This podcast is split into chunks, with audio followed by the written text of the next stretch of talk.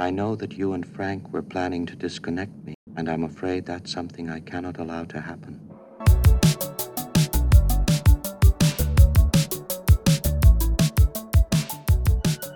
Welcome to the Digital Collaboration Podcast. In this episode, Oscar and Henrik will explore the fascinating world of artificial intelligence and its impact on knowledge work. They will explore the different ways in which AI is being used to enhance productivity, spark creativity, and free up time for more meaningful work. They will discuss some of the challenges and opportunities presented by the integration of AI in knowledge work, as well as sharing their own experiences from using AI in their day to day work. So, whether you're an AI enthusiast, a knowledge worker, or just curious about the future of work, join us for an informative and thought provoking conversation about AI and its transformative potential in knowledge work.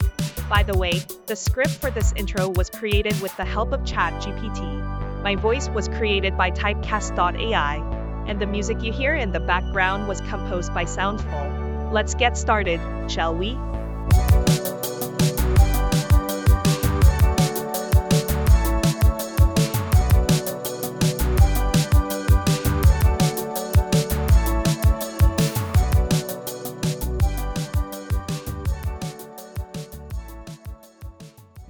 Man skulle behöva en AI som eh, håller sig till något manus kanske.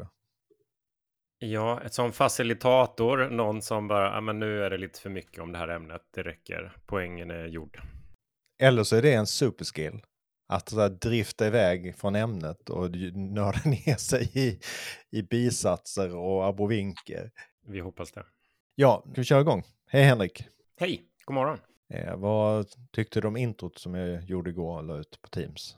Ja, riktigt eh, snyggt tycker jag. Eh, jag tycker väl att vi kanske kan behöva den hjälpen att sälja eh, det vi håller på med. Det, det, var många fina ordval med att vi riktar oss till AI enthusiasts, knowledge worker och eh, people are just curious about the future work och så vidare. Så att jag, jag gillar det här och eh, ser fram emot att vi ska vara thought provoking. Eh, det ställer lite krav också. Men. Eh. Ah, det tror jag är ganska lätt i det här fallet. Jag tror det är ganska tankeprovocerande för många kring AI och att, att använda det nu. Att man måste komma igång och använda det nu. Det är tankeprovocerande, thought provoking. Men bara lite kort om det här. Jag kom på det igår kväll. Vi har använt eh, ChatGPT lite grann när vi gör research eh, inför avsnitt. Ja, men då måste vi använda mer i det här avsnittet som handlar om AI.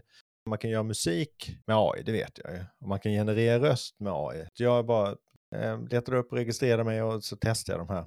Och hade då ett eh, färdigt intro ganska snabbt, under en halvtimme. Jag hade kunnat fila på det här betydligt mer jag hade kunnat betala så hade jag kunnat göra lite mer med intonationer och tempo och sådär i rösten.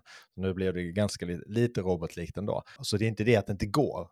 Det går att, att göra mycket bättre resultat, men det var inte poängen. Poängen var ju att visa att, att det här går att göra och att det går att göra väldigt snabbt, något som är helt okej okay kvalitet. Alltså man kan ju välja att försöka hitta fel och sånt som inte är perfekt i det här introt då, till exempel, eller generellt vad man kan generera med sådana här AI-motorer. Men då missar man ju poängen. Utan det handlar om vad en person kan åstadkomma på mycket kort tid redan idag. Och jag höll på att ska säga vem som helst kan åstadkomma, men det var inte meningen att... Ja, men i, vad, vad gjorde jag? Jag gjorde ju inget, jag tryckte bara på några knappar. Eh, och jag skrev ju en text som eh, i stort var skriven av ChatGPT. Jag bara gav den lite ingångsvärden. Så det man måste kunna göra är ju att ställa rätt frågor och veta lite vad man vill ha ut för någonting och vara en bra beställare kan man väl säga. Om man bara tänker, vad hade jag gjort utan de här möjligheterna? Ja, då hade jag aldrig försökt mig på att komponera en egen låt. Alltså, då hade jag köpt någonting som vi har gjort tidigare då från Epidemic Sound eller liknande. Jag hade inte skrivit ett manus som jag anlitat en röstskådespelare att skriva, eh, läsa upp. Och jag hade kanske inte ens tänkt tanken. För det är eller var för dyrt, för svårt och eh, ja, i det här fallet också ge ett tveksamt värde. Men nu när jag ser att det, det är så lätt och billigt och, och ger så bra resultat, då kan jag också se nya användningsområden där det kanske passar bättre än i en, i en podd till exempel. Eh, så då har jag det här i bakhuvudet att nu kan jag använda det här och då börjar jag se nya möjligheter som jag inte skulle sett annars. Ja, men så är det ju verkligen. Det öppnar ju dörrarna till att kunna jobba med eh, media på olika sätt och kombinera det när man till exempel vill kommunicera ett eh, budskap. Jag försöker berätta liksom, det fantastiska man kan göra för olika personer jag stöter på. Vissa är liksom, köper in på det, andra är lite mer skeptiska. Den här reaktionen som du pratade om, om att eh, det kanske inte är perfekt och att en naturlig reaktion då för en del är att ja, men då gör jag det själv för då blir det som jag vill ha det. Och det vet jag ju hur man gör. Det kan bli en reaktion, men om man tänker istället att jag kan komma 80% av vägen till målet på bara några sekunder genom att göra det här. Och det enda jag behöver det är för att komma längre, det är liksom att försöka igen och bli bättre för, på att formulera mig. Vad är det jag vill skapa för någonting och reflektera över det. Eh, och sen krävs kanske lite finlir på slutet och lite handpåläggning för att få ett liksom, e, extremt bra resultat. Men det stora tycker jag i det här är att man öppnar tankar, dörrar till nya tankar och sätter göra saker på under den här processen. Och det är ju någonting som är, det vet, det vet ju både du och jag, det är livsfarligt att ställa frågan varför och hur i de flesta organisationer. Det är ett avbrott. Vi ska ju producera stopp här. Jag har inte fem minuter till att lägga på det här. Jag måste producera. Jag har så mycket att göra så jag kan inte träffas förrän i augusti och tänka på det här då. Och det är ju livsfarligt. Vi springer ihjäl oss i det här ekohjulet och för att sedan bli ersatta av en AI så småningom. Om vi inte kliver ur det nu och försöker bli bästa jobbarkompisar med de här AI-verktygen. Nej, jag upplever också att det är att begränsa sig för att eh, jag tycker det är otroligt stimulerande så här långt att eh, kunna bolla idéer på olika sätt, kunna utveckla idéer, få inspel från olika håll eh, och börja jobba ännu mer med, med olika typer av media som du visar exempel på här inledningsvis, Oskar. Så eh, jag tycker det verkar alltid lyfter och det är ju någonting som är tillgängligt när man själv har behov också. Man behöver inte vänta på eh, den där kollegan eller eh, jaga i evigheter efter den där artikeln eller hitta den där boken som ger en de här tankarna, utan det är en helt annan eh, process.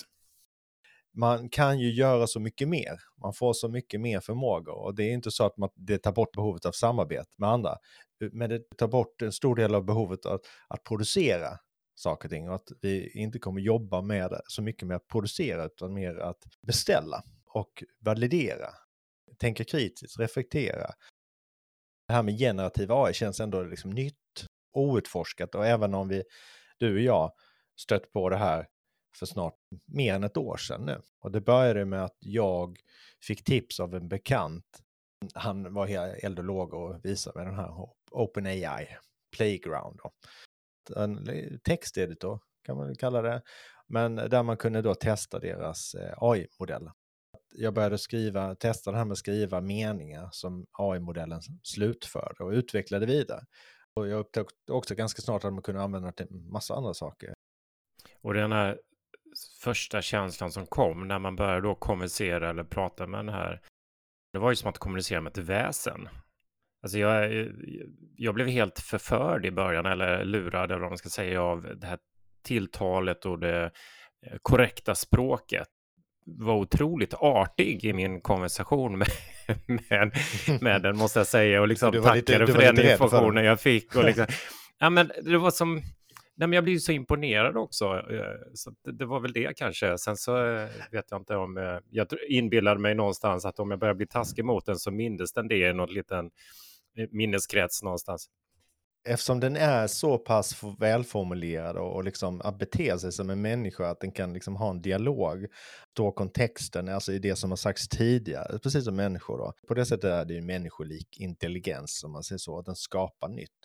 Men det gör ju också då att man inbillar sig att det är en som en människa. Jag skriver ju kan du snälla, varför gör jag det? Jag tänker, ja, men varför ska jag skriva korta tråkiga kommandon med någon som svarar som en konversation. Så jag anpassar mig ju efter det. Det är ju inte att jag tror att det är ett väsen. Det kanske är bra på sikt. Det kanske byggs någon relation där. Ja, om man tänker så så är det kanske eh, bra för att vi, vi, eh, vi kan lära oss av eh, robotarna, AI. Alltså hur vi har konversationer. Och bli lite trevliga i övriga konversationer. Eller hur? Vi, kanske, vi borde ha en trevlighetsfilter på alla Eh, på alla konversationer vi har som has via mess och, och sådär. Då skulle vi få mycket mindre konflikter antagligen. Eller att vi lär oss bara det, trevliga tilltal, linda in det, gör en hamburgare av det, kritiken. Vi var ju mitt i processen att skriva vår bok om digitalt samarbete. Vi hade ju poddat och tagit fram massa text som vi skulle bearbeta, eh, komplettera, utveckla och även liksom validera innehållet. Där vi var i processen så såg vi ju att OpenAI kunde hjälpa oss med olika saker. Men vi lärde oss också ganska snabbt att den var inte helt att lita på, utan man fick ju ändå kolla upp en hel del. Men den hjälpte oss ganska långt på vägen kring många saker. Men jag tänker det finns väldigt mycket LinkedIn-poster just nu som handlar om prompter för AI-motorer och hur man ska ställa eh, smarta frågor. Och det är ju såklart, kan man få lite tips, men, men eh, kanske inte så viktigt i det stora hela hur exakt man formulerar sig där, utan det är just den här konversationen, att vända och vrida på saker, att kunna ifrågasätta, att borra sig ner. Det är då man får fram det som är riktigt bra. Och flera av de här promptbaserade AI-verktygen är ju lite begränsade på det sättet att man, det är svårt att iterera. Man itererar genom att skriva om prompten. Men om man hade kunnat ha mer det här chatt, alltså dialogbaserade som man har med ChatGPT, då får man ju mer den här konversationen och det blir inte lika mycket fokus på prompten, att skriva rätt från början. Det blir mer fokus på processen och nästa fråga. Så det gillar ju jag med ChatGPT. Men vad är eh, generativ AI då? Ska vi definiera det också? Ja, det är dags att avmystifiera en hel del kring det här med vad, vad är det vi ser för AI? Som exempelvis ChatGPT. Förkortningen står för Generative Pre-trained Transformer. Vi ser det nu att den används inom många olika områden, alltså konstnärligt skapande som Midjourney, filmproduktion, spelutveckling, medicinsk forskning, massa olika områden. Det handlar inte bara om att förstå det som hänt, utan handlar också om att generera nya idéer och innehåll och så vidare. Så det är en förmåga att skapa nytt innehåll, men egentligen utifrån ett, ett känt data på ett sätt som man kallar då att det är autentiskt, det vill säga att eh, det känns eller skulle kunna varit en människa som har tagit fram det här och det är det som gör det hela den här grejen så extra intressant att utforska och jobba med tycker jag. Mm. I vår bok Digitalt samarbete har vi ett kapitel om AI med fokus på förstärkt intelligens, alltså hur det kan förstärka våra kognitiva förmågor som kunskapsarbetare. Och där refererar vi ju till en kategorisering som gjordes av den amerikanska filosofen John Searle eh, 1980 han kategoriserar då AI i svag AI och stark AI. Och svag AI menar han det är AI som har fokuserat på en smal uppgift som det vi har nämnt här tidigare med maskininlärning och identifiera mönster eller objekt i bilder och så vidare. Medan stark AI liknar då full mänsklig intelligens. Och ur det perspektivet, om man bara frågar ChatGPT själv, eh, om man vågar göra det och tro på resultatet där, får man svaret att generativ AI kan kategoriseras som en typ av svag AI. Däremot så skiljer sig generativ AI från traditionell maskininlärning genom att den använder sig av de här generativa modellerna för att skapa ny data som liknar då den ursprungliga datan som vi var inne på. Och det innebär att generativ AI har en högre grad av kreativitet och förmåga att skapa nytt. Det har liksom ingen allmän intelligens som kan tillämpas på olika problem det kan vara värt att påminna sig om det här i, i tider när det är så många som ringer i den här domedagsklockan och vill stoppa utvecklingen och stoppa ChatGPT och andra verktyg. Det finns ingen risk idag för de domedagsscenarierna med de här verktygen. Frågan är vad är det man vill stoppa? De vill stoppa ett otroligt kapabelt verktyg som kan automatisera inte bara rutinbaserat arbete utan även en stor del kreativt informations och kunskapsarbete. Och det är i sig ett stort hot. Sen kan man ju undra varför vissa techgiganter eh, kommer in och säger nu ska vi stoppa utvecklingen här. Det är för att de själva vill kunna komma ikapp i labben. Om de nu är så rädda så ska de ju inte ge sig in och göra några egna, utan de ska bara försöka stoppa utvecklingen. Utan det handlar ju, som, precis som du antyder, helt klart om att nu, måste, nu är de här så långt före oss, så vi behöver sex månader på oss att komma ikapp. Men, men på tal om den här känslan av att det är någon form av väsen som vi konverserar med så skrev eh, Cal Newport en artikel i, var det New York Times? Han eh, skrev en artikel apropå de här liksom, snabba pendlingarna kring AI som ja, det går mellan förundran och skräck för vad AI kan göra. Han säger endast genom att ta sig tid att undersöka hur den här tekniken faktiskt fungerar från dess koncept på hög nivå ner till grundläggande eh, digitala strukturer kan vi förstå vad vi har att göra med. Vi skickar meddelanden till elektroniska tomrummet och får överraskande svar. Men vad är det egentligen som skriver tillbaka? Jag ska inte dra igenom hela artikeln här, men han har ju två stycken slutsatser. Han säger alltså att ah, ChatGPT är absolut inte självmedveten i någon som helst rimlig definition av de här termerna. Alltså, det är en språkmodell. Den är statisk. När den har tränats förändras den inte, menar han. Det är en samling enkelt strukturerade, men i massiv storlek neurala nätverk som inte gör något annat än ta in text och spotta ut nya ord. Visst, vi kanske kan skapa en självmedveten AI om ett tag med, med människoliknande intelligens, men det kommer inte vara en stor språkmodell i så fall. Och sen det andra då, för det är ju som vi varit inne på, det är ju hur det påverkar vårt arbete och hur det påverkar arbetsmarknaden. Och han menar att Eh, ChatGPT eller den typen av AI kommer inte att ta ditt jobb. Den är väldigt bra på vissa saker som vi har gett exempel på. Vi kommer att prata lite mer eh, om det, att analysera och se mönster och kan vara ett bollplank och så vidare eh, och kan producera imponerande texter. Men det är inte användbart nog för att ta över de flesta befintliga jobb, menar han. Och så säger han att huvuddelen av det skrivande som kunskapsarbetare faktiskt utför tenderar att involvera skräddarsydd information om deras specifika organisation och område som den här AI inte känner till eller kan passa sig till jag håller med om att ditt jobb inte kommer tas rakt av av en sån här AI. Det kommer den inte göra. Många saker i de flestas jobb som inte går att ersätta med den här typen av AI eller andra verktyg. Men om man inte lär sig AI och använder det för att producera, en stor del av min arbetsdag, de flestas arbetsdag, består av att producera saker. Om man mm. inte mm. förstår att ChatGPT och liknande AI kan producera de här sakerna, då gör jag ett riktigt felbeslut. För det innebär ju att en person med AI kan ersätta flera personers jobb. Om du däremot lär dig det här, då kommer du också lära dig hur du kan använda det här för att skapa mer värde. Ja, vi pratade om det i tidigare poddavsnitt om AI, att när det gäller yrken så är det ju inte så stor förändring i vilka yrkesroller som försvinner och, och kommer till, men det är ju hur vi gör vårt arbete som kan förändras i grunden. Och jag tänker på vad, vad Cal brukar prata om, det här med ytligt och djupt arbete. Och det är också en hel del av det här ytliga arbetet som väldigt enkelt kan ersättas av eh, AI-motorer. Men det här djupare eh, arbetet att faktiskt tänka utanför boxen och, och vara eh, kreativ och, och, och förstå eh, större sammanhang som de här frågorna ställs till. Det är ju det, är det som vi människor är bra på och eh, kommer fortsätta behövas eh, kring. Då. Så att hans, hans slutsats här är att ChatGPT är fantastiskt, men det handlar mer om automatisering än att ett monster släpps lös.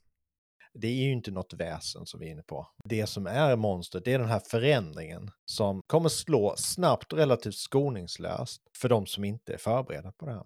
Och det enda sättet att förbereda sig på det, det är precis som Newport och andra säger, det är att utforska och lära sig att tämja den här AIn. Alltså hoppa upp på hästen och få den att rida åt det håll man vill. Och att måla upp AI som ett monster, det gör nog många, Eh, både organisationer och individer, för att kunna hålla det här på avstånd från sig själv. Och kanske hoppas på att det här stoppas av samhället innan man själv drabbas av förändringen. Ja, vi, hade ju, vi har ju pratat om det som en del i eh, de, de enorma möjligheter som finns kring ett ökat digitalt samarbete och att det handlar ju verkligen om att löpande försöka utforska och lära sig och testa eh, det här på individnivå och teamnivå och eh, få stöd från organisationen att göra det, att det finns en, en struktur och att det finns en tid och, och, och, möjlighet att göra det här. Så att jag kan ju förstå eh, att det finns enskilda medarbetare som känns lite uppgivna i när ska jag hinna eh, ta till mig det här, när ska jag förstå det här och känner sig väldigt utlämnade i den här förändringen.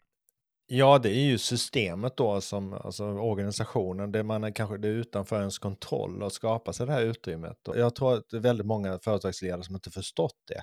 De tror kanske att de ska rekrytera någon AI-expert och sen så, sen så löser det här sig. Nej, de måste träna upp alla medarbetare, måste träna upp sina förmågor, lära sig det här och integrera det i sitt arbete vad, hur kommer man runt det här? Ja, det är inte att förbjuda AI eller ChatGPT eller användningen av det. Alltså, jo, förbjuda... jo det, det är klart det är. Eh, vi skulle förbjuda access till webben så att inte folk satt och slösurfade på arbetstid. Vi skulle förbjuda access till sociala medier så man inte... Ja, du kommer ihåg det? Jag vet inte vad de hade för skräckbilder om det. Men det är liksom, hur kan man göra det? Hur kan man hänga med i utvecklingen om man förbjuder access till utvecklingen? Det går liksom inte ihop. Det handlar i grunden om att vi som människor drar nytta av AI i vårt arbete och att vi då får en utökad intelligens, en förstärkt intelligens som ger då oss fördelar som individer, men då arbetsgivarna stora fördelar. För att de anställer inte bara en person med en viss kunskap och skicklighet och, och erfarenhet, utan de anställer någon som tillsammans med AI presterar enormt bra.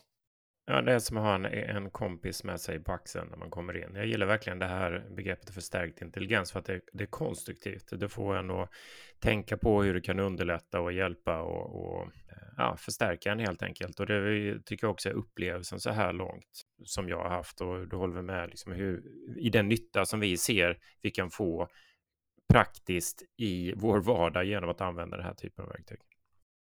Ska vi prata lite om våra praktiska erfarenheter av lite olika sådana här verktyg? Ja, det tycker jag. Vi tänkte ju att bli lite praktiska också. Att vi har ju nämnt då eh, ChatGPT eh, några gånger, det är det mest självklara. Det var ju också där vi började, dess föregångare. Det gjorde ju att jag själv köpte Pro-versionen direkt när ChatGPT Pro lanserades, för då fick man ju tillgång till den senaste AI-modellen och garanterad prestanda. Och själv använder jag ju ChatGPT till det mesta som jag vill ha svar på. Utom då begränsningen idag är ju aktuell information. Och jag använder den för att skapa mycket text, eh, eller förbättra eller utveckla en befintlig text, eh, eller bara ta reda på och förklara saker för mig. Där är ju en begränsning, att Eh, liksom när man ska ta någonting till en bild eller liksom vill visualisera någonting, så det blir mycket text. Eh, men det finns ju andra verktyg för det och det kommer ju med ChatGPT också eh, så småningom.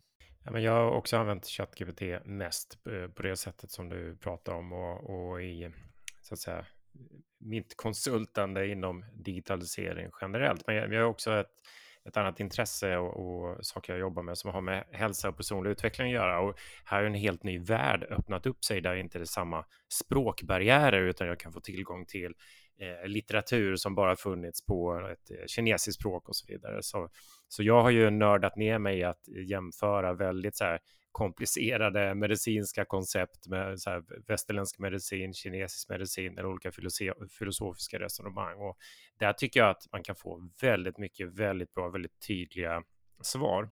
Sen finns det områden som den inte har samma mängd information att utgå ifrån. Och då blir det ju lite mer killgissande från den sidan och den säger ju inte när den är ute på tunn is utan det måste man ju själv fatta då.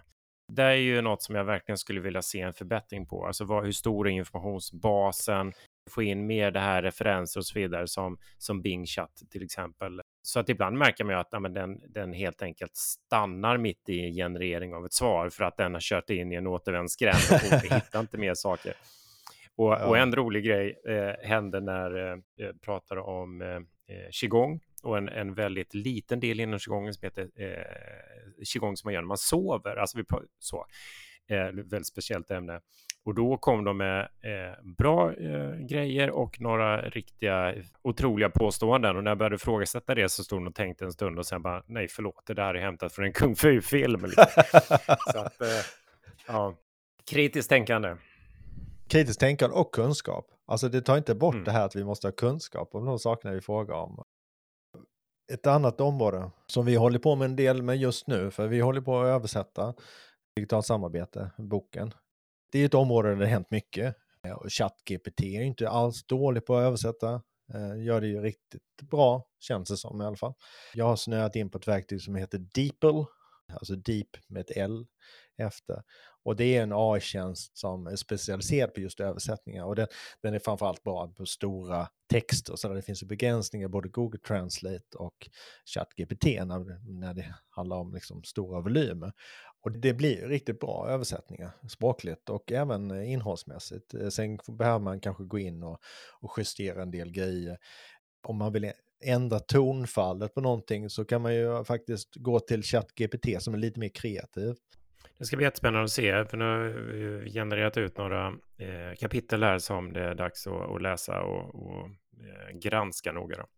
Vi har ju en annan populär eh, motor som är Midjourney som eh, nu med senaste version, det är väl 5, den uppe i, kan generera de mest fantastiska bilder i eh, fotokvalitet eller i den stil som man nu eh, mm. vill ha och man kan styra så säga, effekterna på, på ett väldigt häftigt sätt. Möjligheten att finjustera bilderna där vill man ju ska bli bättre. Ja, absolut. Jag var ju nyfiken på eh, Adobes variant, eller som är eh, konkurrent, Adobe Firefly, som, eh, som man kan säga är en konkurrent till Midjourney. Men jag har i alla fall fått access till den och testat den lite. Och liksom lite kort så är den ju inte alls i samma nivå som Midjourney än. Så fort det kommer in människor och detaljer som ansikten och händer så kan de bli riktigt fel med sju fingrar och, och, och deformerade ansikten och så vidare. Så däremot så hoppas jag just att, att det du nämnde, det här med att kunna ta resultatet vidare, eh, precis som ChatGPT, då, då, då har man ju en text som man sen kan arbeta vidare på det sätt man vill och lägga till sitt. Så skulle jag även vilja ha med bilderna. Illustration och sånt. Det skulle ju Firefly kunna göra vektorbaserat så man kan liksom redigera olika element, olika lager och så vidare. Så det hoppas jag kommer. Kommer det, vilket jag, jag tror det gör, då har man ju det här 80% färdigt. Då kommer det bli en enorm skjuts i produktiviteten kring att göra grafiskt material. Och kan vi ta Miro som exempel? Ja, gärna. Vi använder ju, du och jag, det digitala whiteboardverktyget Miro väldigt mycket när vi kör workshops och, och när vi samarbetar. Och, och, vi använder även för egen del, liksom i, i att synliggöra saker och, och, strukturera information på olika sätt. Och de har ju också lanserat i, i betaversion nu en, en AI-del kopplat till Miro eh, som kan skapa bilder utifrån post-its och text. Den kan generera nya post-its utifrån ett tema eller generera frågeställningar eller eh, expandera ett ämnesområde som man eh, jobbar med. Det är ju tydligt att det kan vara en rätt så bra komplement för team när de håller på och är kreativa inom ett område och vi vill få lite nya inspel och nya perspektiv eller när man själv sitter och jobbar med eh, ett speciellt eh, ämne. Att generera nya koncept eller idéer utifrån en post-it, det funkar ganska bra summera ett resonemang som finns på borden funkar också ganska bra. Funkar inte så bra att summera liksom, en massa post-its med enskilda nyckelord, för då, då blir det helt enkelt bara de nyckelorden staplar på varandra och den, den försöker summera på en post-it, det är liksom det som är målet. Då. Men eh, ett, ett resonemang som finns där kan den få ihop eh, hyfsat. Bildgenereringen har vi lite att, att jobba på om man jämför med eh, de andra vi har pratat om men det är ju en beta-version. Men jag tycker man måste ha ett öppet sinne. Man måste se saker och ting. Glaset är halvfullt. När jag suttit och jobbat med det här så kommer jag tänka på hur David Bowie jobbade förr. Han brukade klippa ut ord ur tidningar och liksom skramla dem och, och, och, och, lägga ut dem för att få nya oväntade associationer av det han såg. Och sen jobbade han med datorprogram som slumpade fram olika saker. Så och, och det har också ett stort värde att få någon annan att se saker lite nya perspektiv eller skapa nya associationsbanor hos en själv med den här typen av verktyg. Så att jag ser verkligen fram emot den fortsatta utvecklingen. Och, och de kanske inte har hittat de perfekta tillämpningarna än heller. Men de börjar göra det. De börjar utforska vad skulle AI kunna tillföra någonting eller rent av förändra någonting i grunden i vår produkt. Och det, det är en resa de bara börjat på eh, som vi, du då som betatestare får vara med i. Det finns ju jättestora möjligheter att kombinera de här verktygen.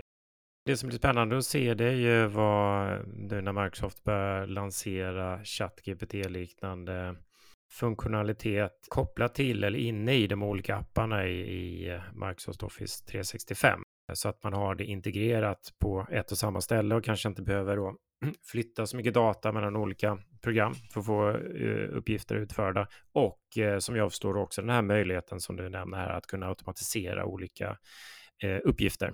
Det kommer bli funktionalitet som är tillgängligt till väldigt många och, på ett mer naturligt sätt och kanske kommer in i den här kunskapsarbetsvardagen och i våra även samarbetsverktyg som Teams. Och det kommer ju som sagt då komma steg för steg under 2023. Jag har inte sett någon mer exakt eh, tidplan för det där. Så det är klart det kommer på att få en stor påverkan i din vardag. Och då är det inte dumt att redan nu börja förstå vad det är för något. Så att vi behöver inte vänta allihop till Copilot. Nej, och vi behöver inte vänta så himla länge heller för att eh, prata vidare om det, eller hur Oskar? Vi hade ju en idé om ett kommande poddavsnitt där vi faktiskt eh, gräver lite djupare i vad det här innebär för en organisation och hur man kan organisera, utföra och leda eh, arbete utifrån de här nya förutsättningarna. Eller om man skulle öppna, eh, starta ett eh, företag från grunden idag, vad det skulle innebära. Yes, vi lär få fortsätta det här med AI för att eh, vi kommer prata om first principles, hur man kan tänka kring att skapa en eh, ny organisation eller ett samarbete. Och där är ju eh, AI first en sån där strategi som kommer ge en helt annat sätt att uppnå det som är det mest fundamentala i en verksamhet. Kul att prata med dig idag, Oskar. Spännande ämnesområde tycker jag och eh, ser fram emot en fortsättning då vi gräver vidare i detta. Tack för idag, Henrik. Tack och hej.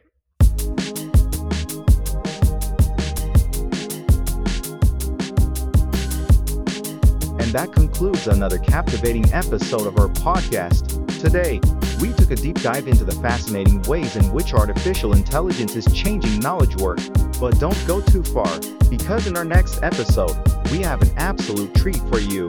Together, we'll delve into the first principles for designing an organization. Until then, keep harnessing the power of AI, keep pushing the boundaries of knowledge work, and get ready for an unforgettable episode. Thank you for listening.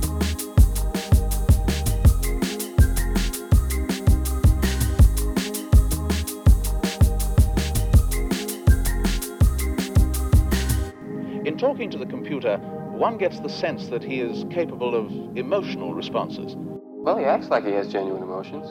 Um, of course, he's programmed that way to make it easier for us to talk to him.